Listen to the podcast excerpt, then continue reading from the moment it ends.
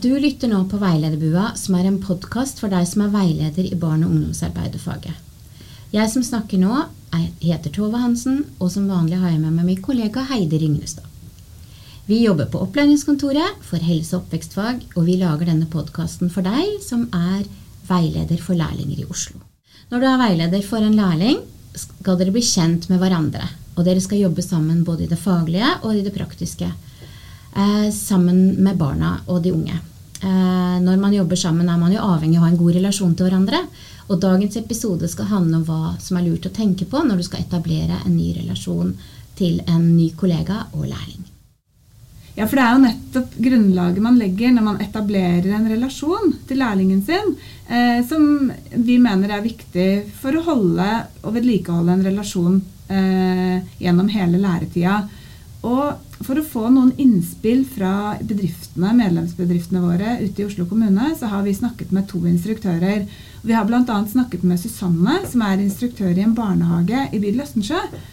Hun pleier å si at 'jeg får alltid de gode lærlingene'. Ja. 'Jeg er heldig, jeg får alltid de gode lærlingene'. Men vi tenker jo at det er noe hun gjør, og den bedriften gjør, som gjør at disse lærlingene virkelig får blomstra og utnyttet sitt potensial. Så vi har bl.a. snakket med Susanne for å høre litt om hvordan hun legger grunnlaget for denne gode relasjonen. Vi tror nemlig at nøkkelen til suksess i læretida er å bruke tid på å bygge en god relasjon. Eh, Tove, når du snakket med Susanne, så stilte jo du noen spørsmål om hvordan de egentlig rekker å ta imot og bli kjent med lærlingen. Eh, de kommer jo samtidig som nye barnegrupper på høsten. Hva svarte Susanne til det?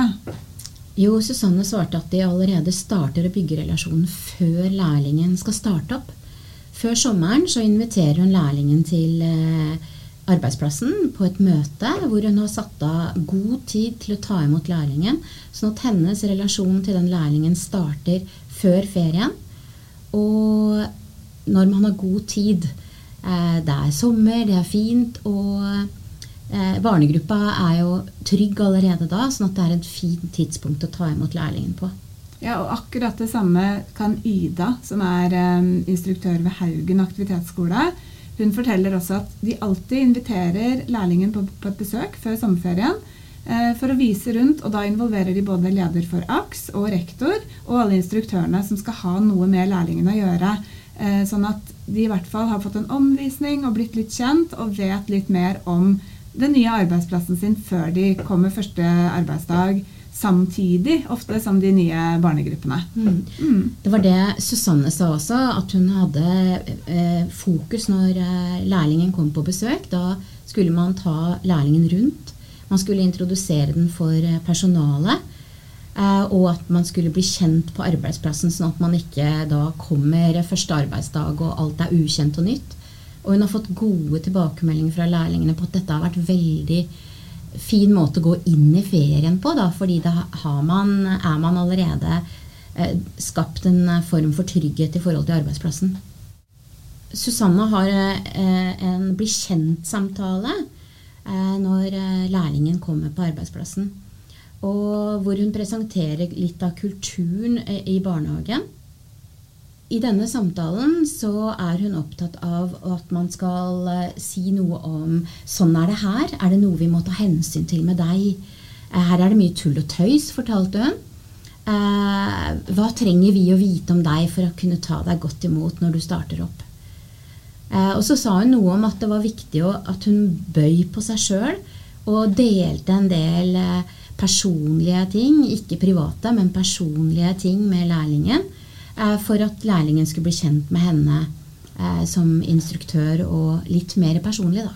Så Susanne har rett og slett en strategi på å åpne opp litt selv for at lærlingen skal kunne bli kjent med henne, og videre da kunne åpne seg for henne.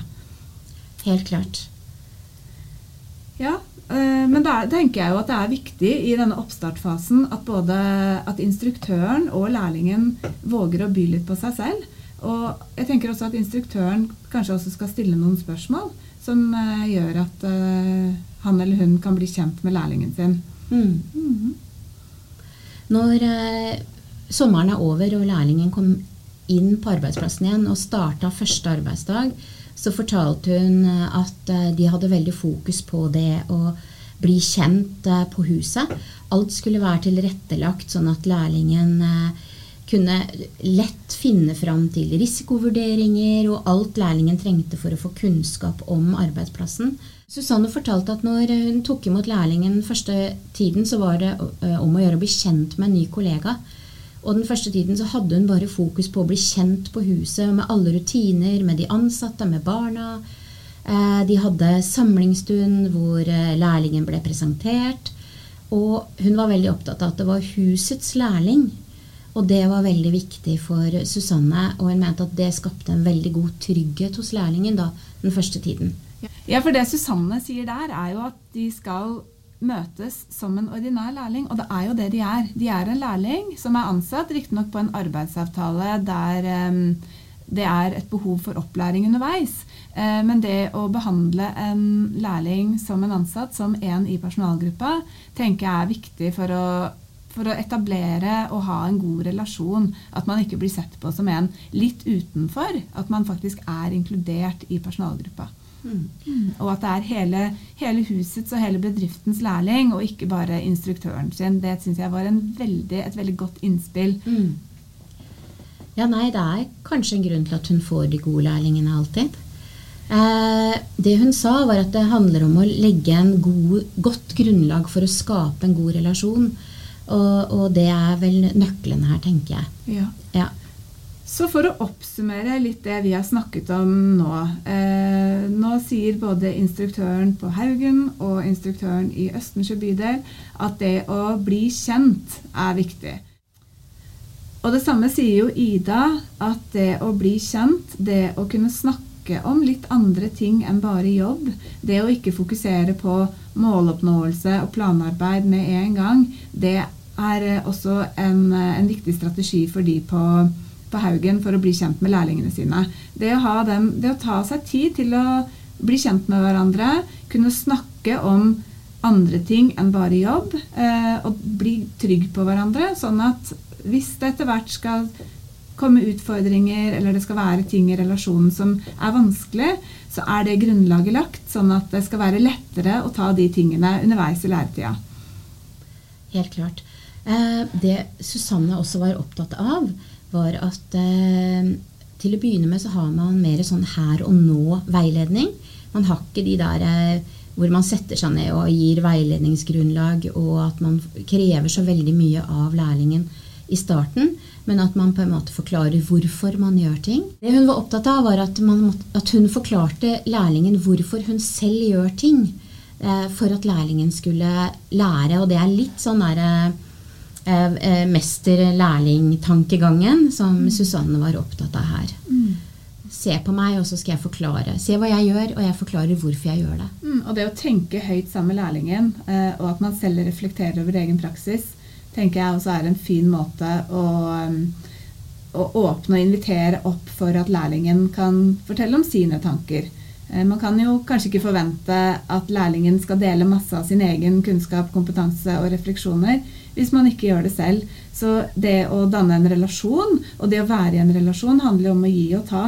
Eh, og det tenker jeg at Susanne gjør der. Det å dele, dele av sin kunnskap eh, og tenke høyt sammen med lærlingen. Mm. Mm. Nå tenkte vi at vi skulle ta en oppsummering av eh, det vi har sagt fram til nå, med å gi noen helt konkrete, gode tips. Heidi, har du lyst til å starte med det første tipset? Det vil jeg gjerne. Begge instruktørene våre snakker jo om dette å invitere lærlingen på besøk i forkant før arbeidstiden starter. Mm. Mm. Tips nummer to det å bygge en relasjon på lik linje som om man skal ta imot en ny kollega, er nøkkelen her. Eh, husk at det er forskjell på å være privat og personlig. Så du kan fint være åpen og snakke om dine verdier, dine holdninger og dine, ditt personlige syn, uten at du nødvendigvis trenger å dele private eh, forhold til lærlingen din. Eh, du skal fortsatt ha en profesjonell grense, eh, selv om du skal bli kjent med lærlingen og by litt på deg selv. Mm. Tips nummer fire. Det å se på lærlingen som husets lærling, det er veldig viktig. Tips nummer fem, som vi ikke har snakket så mye om, men som likevel er lurt å ha med seg, er å vite hvem som kan være i ditt sted hvis du er borte, sånn at lærlingen din har en fast person de kan forholde seg til dersom du ikke er tilgjengelig. Mm.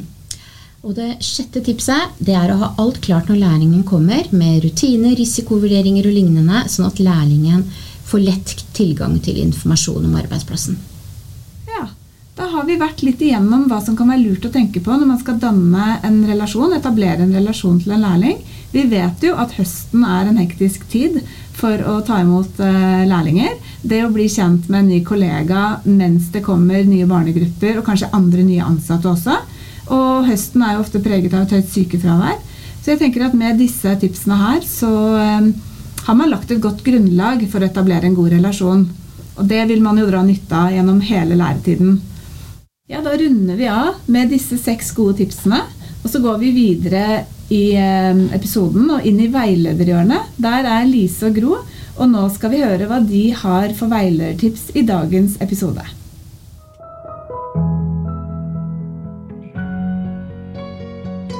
Hei og velkommen til veiledningshjørnet.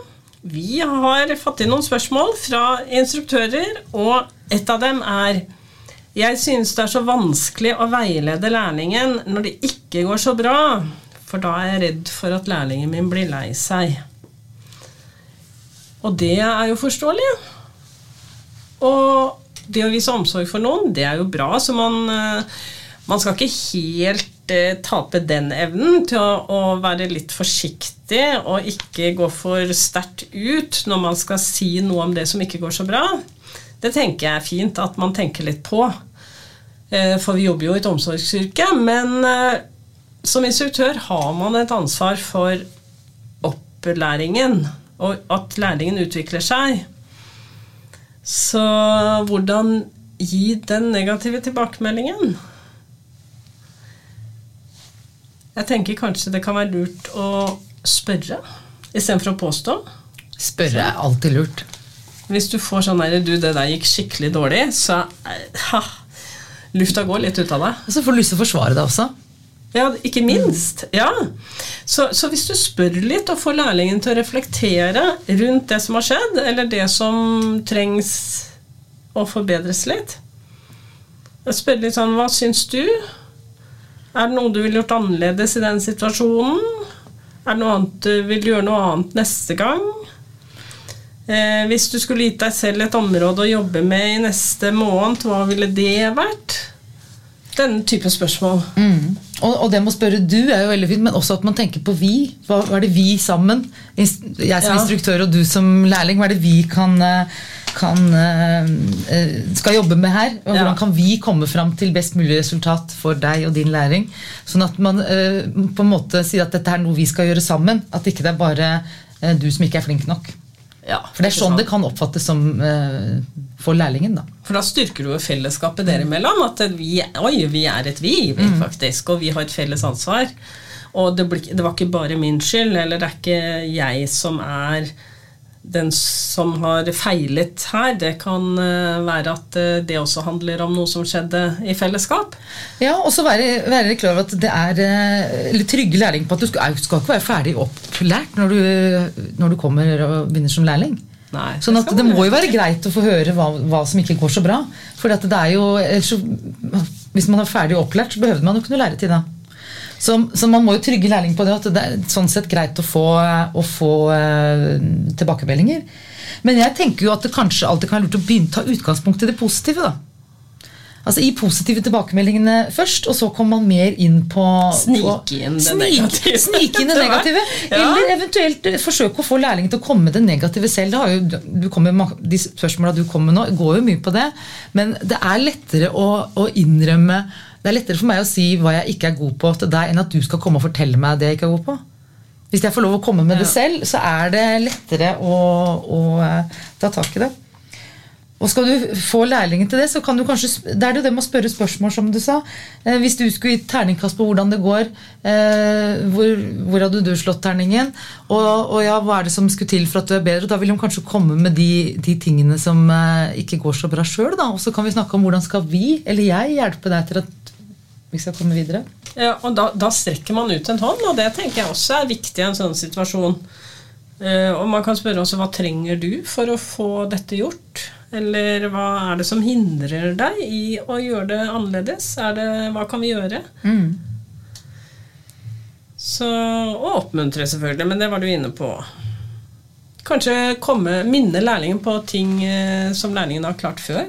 Altså, husker du når du hadde den samlinga, f.eks.? Da var du jo så flink til å holde på fokus. Hva var det du gjorde da som gjorde at barna fulgte så veldig med på deg? Og det er jo, det, det er jo gull, egentlig, å, å, å, se hva er det som du har gjort bra, og så bruke de egenskapene inn i, inn i noe videre. Eh, men da må man jo snakke med lærlingen om dette her. Eh, stille de gode spørsmåla og reflektere over eh, svara. Ikke sant? Men dagens veiledningstips da, Lise? Vi har vært innom det. Ja, det blir jo det å reflektere sammen med lærlingen. Ja.